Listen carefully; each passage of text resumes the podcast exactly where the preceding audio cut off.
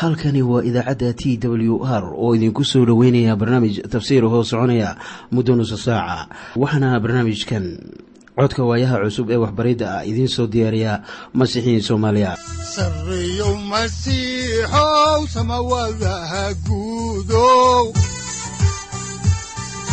Siraadkii adduunkow subanaha eebow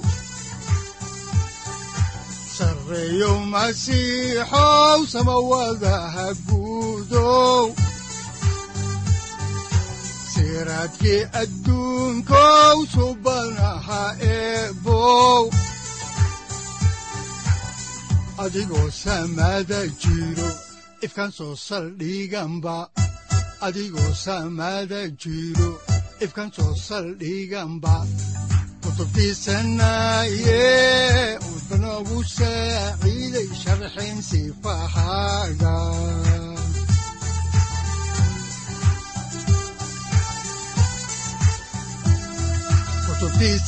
kutubtiisinayow ebanagu saaciid sharxin sifahaaga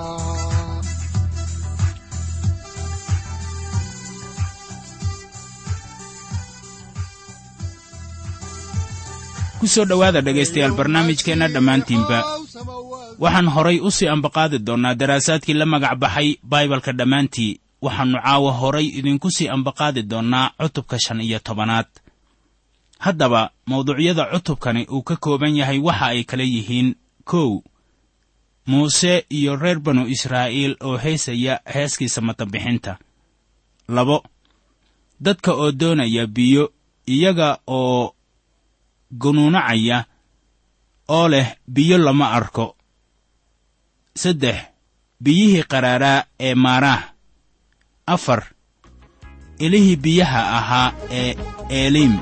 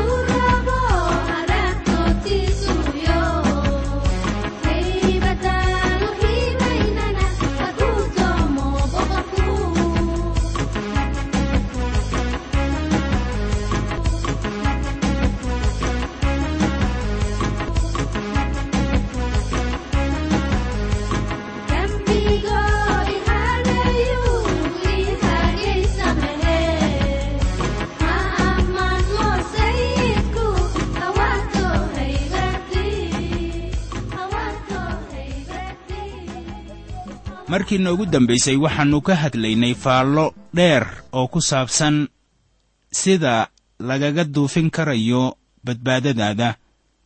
Marka hidaayo ay kugu soo degto oo aad wakhti ku sii socoto hanuunkii kugu soo degay waxaa markaasi jiraya xilli jarribaad iyo duufsi ah kaasoo laga doonayo inaad si ilaah ka cabsi ah iyo niyad adeegba leh aad kaga gudubto.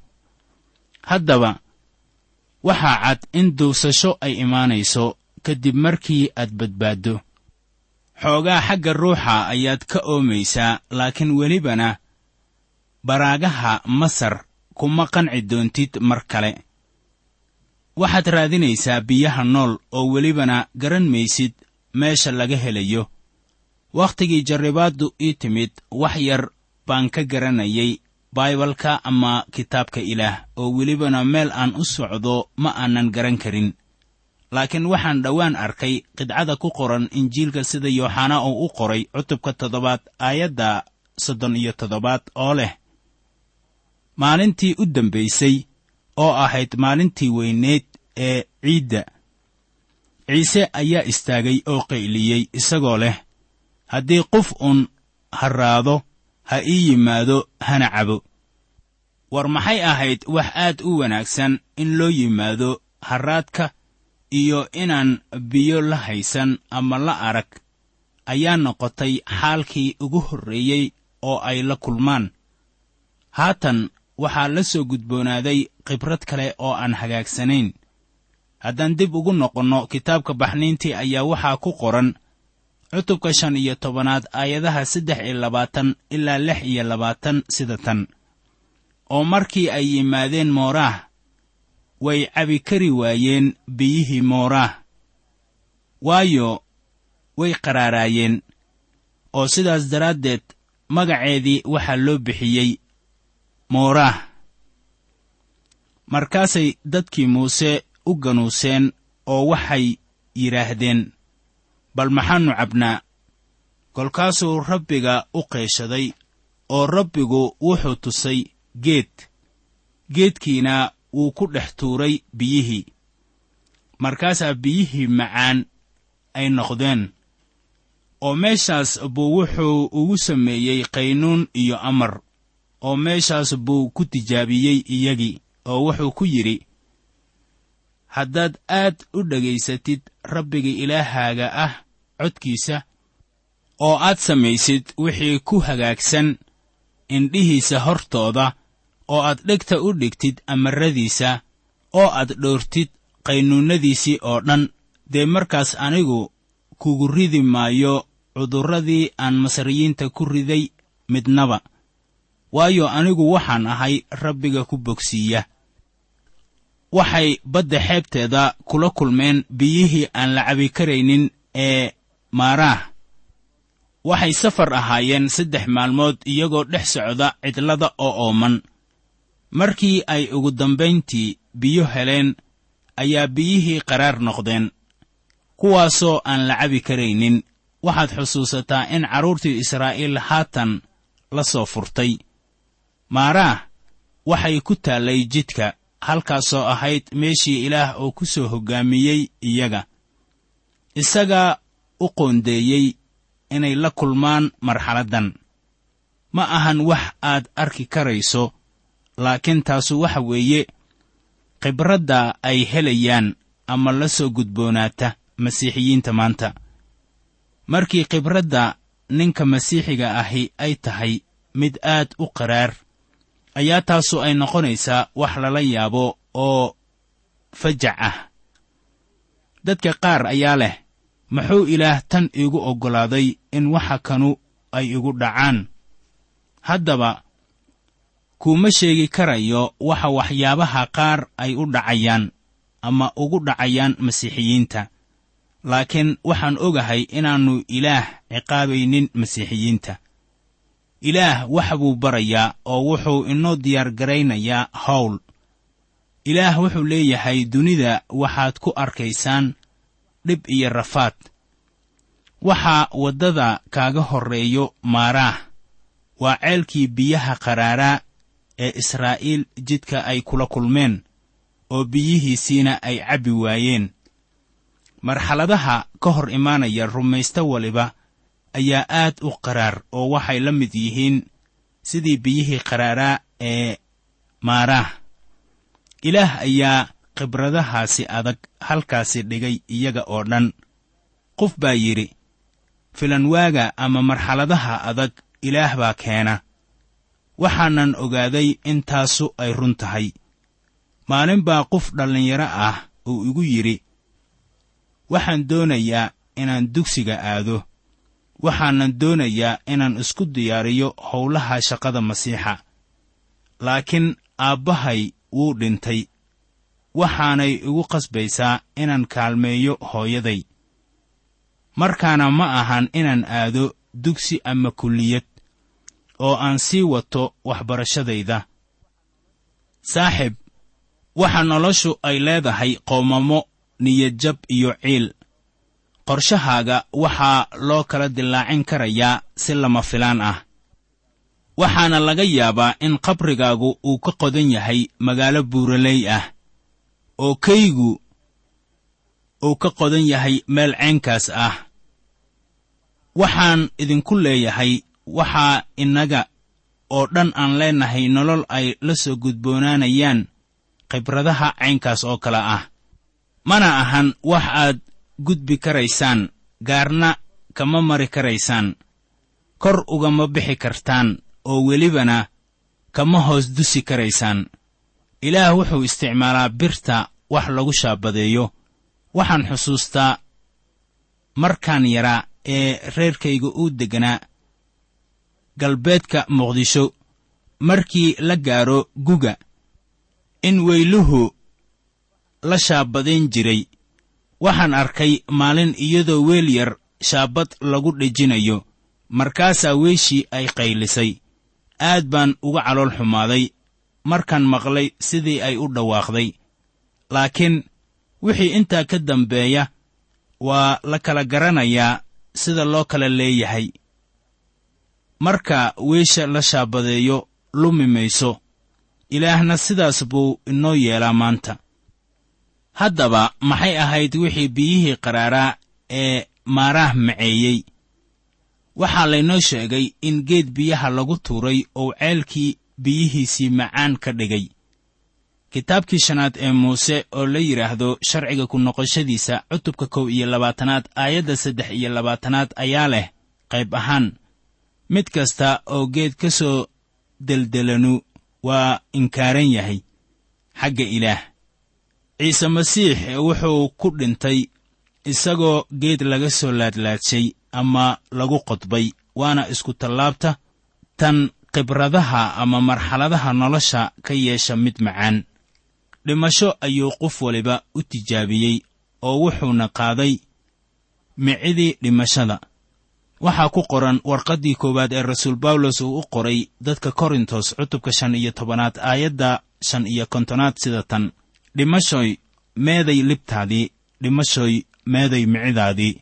Waa isku tallaabta masiixa waxa ka dhiga khibradaha nolosha kuwa macaan haddaan dib ugu noqonno xigashada kitaabka baxniinta ayaa waxaa ku qoran aayadda toddoba iyo labaatanaad sida tan.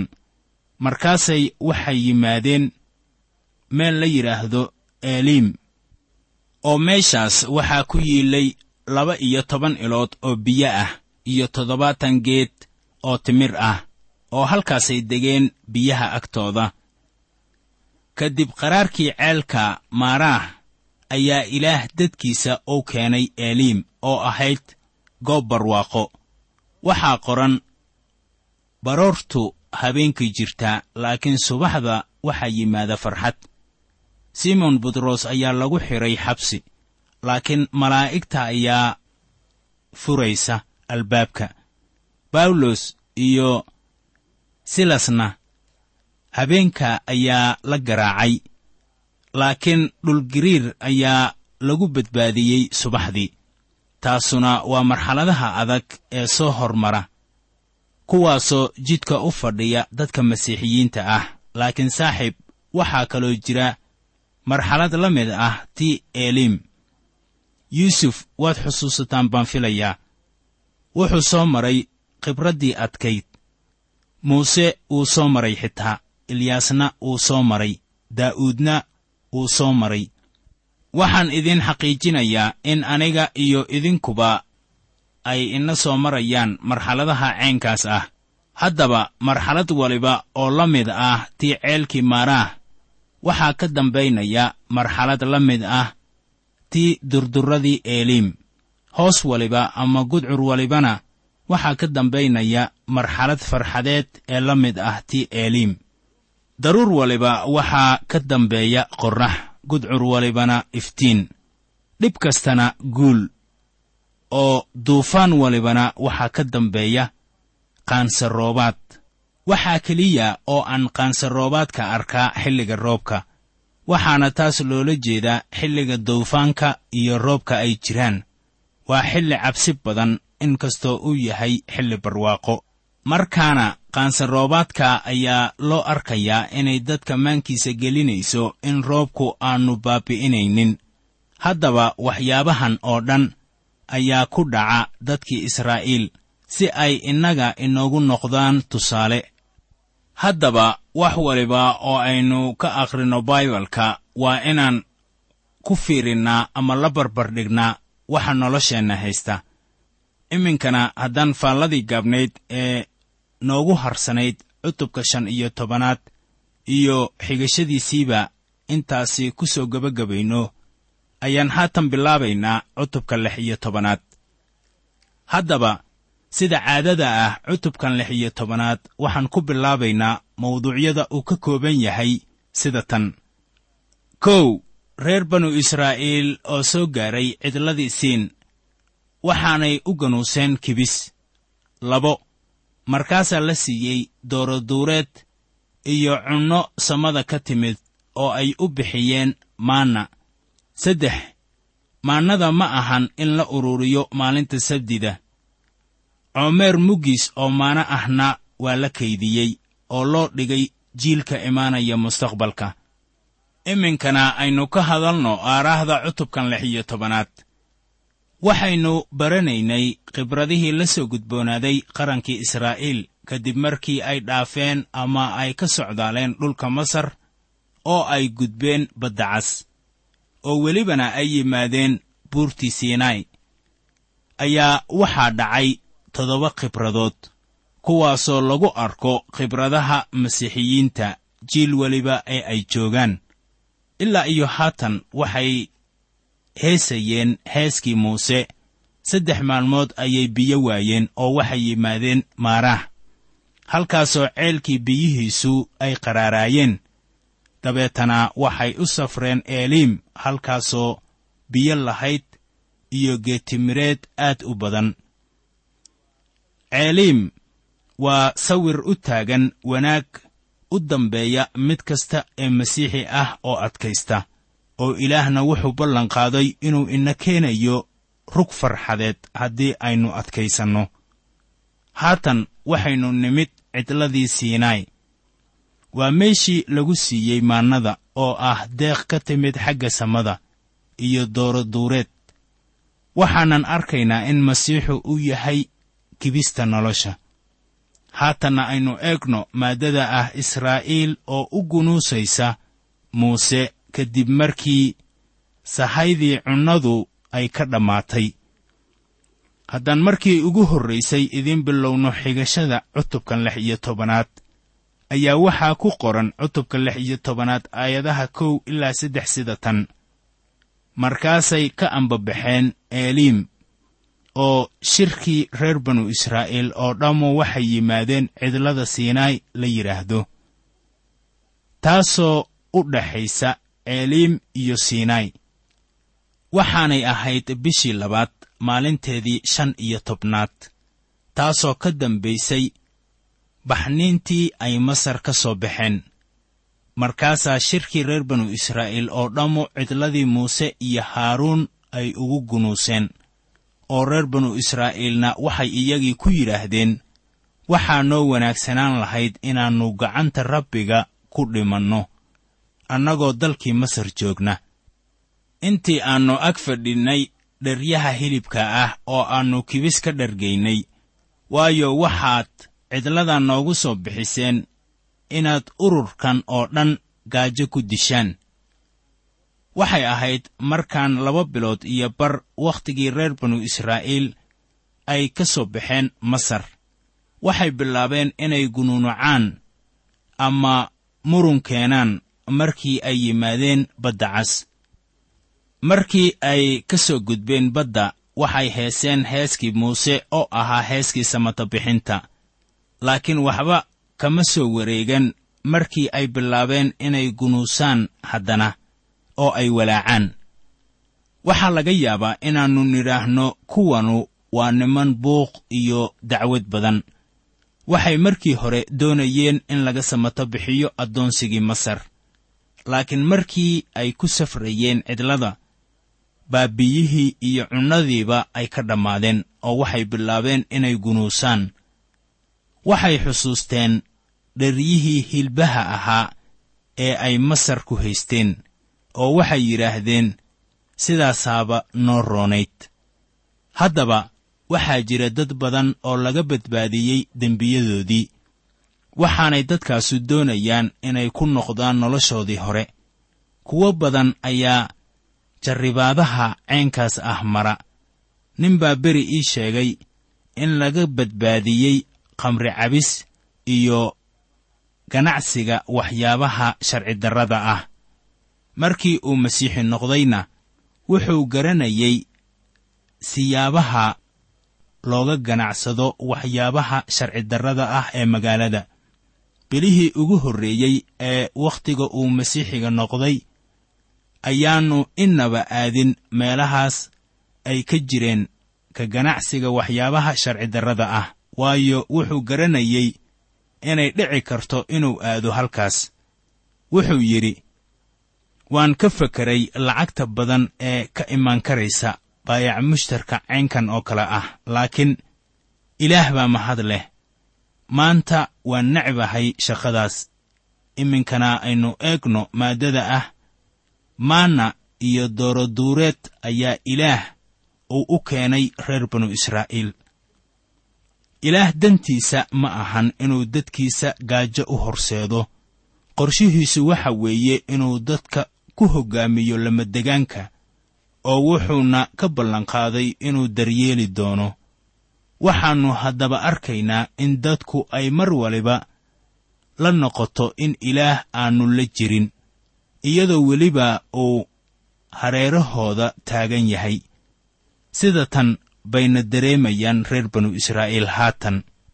Markii cunnadii iyo biyihii ay ka dhammaadeen. Haddaan caawa halkaasi ku soo gunaanadno ayaan waxaan jeclaan lahaa inaan idinku booriyo haddii aad tihiin masiixiyiinta soomaalida ah inaydnaan niyad jabin oo aad kitaabka si wacan u akhrisaan si bal aad u ogaataan in waxa idin haystaa ay yihiin waxa horay ugu dhacay dadkii ilaah iyo in kale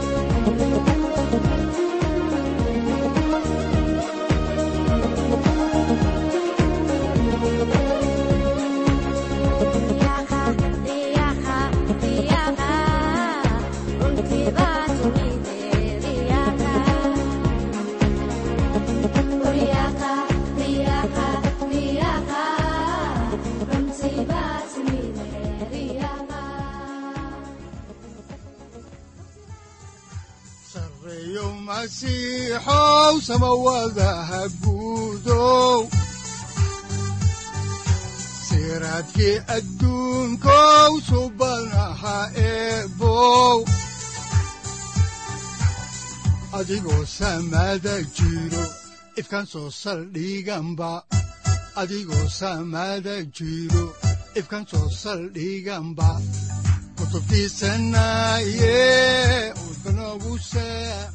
halkani waa t w r idaacadda t w r oo idinku leh ilaa ha idin barakeeyo oo ha idinku anfaco wixii aad caawi ka maqasheen barnaamijka.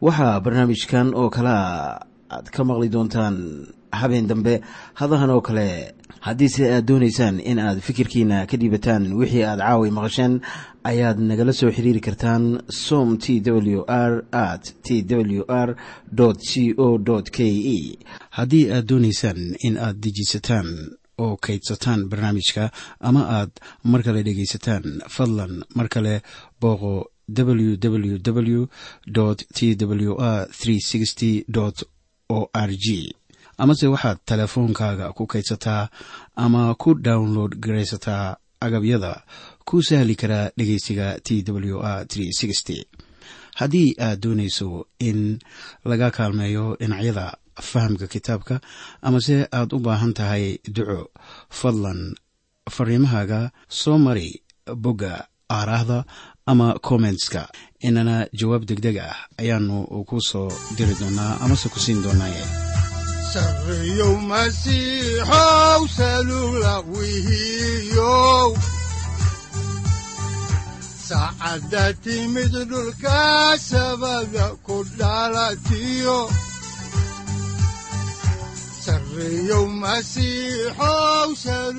halkani waa t w r oo idiin rajaynaya habeen baraare iyo barwaaqaba leh inta aynu ka gaari doono wakhti aynu ku kulanno barnaamij la mida kan caawayay aad maqasheen waxa aan idinku leeyahay nabadda ciise masiix ha idinku badato xagga jidhka iyo ruuxaba.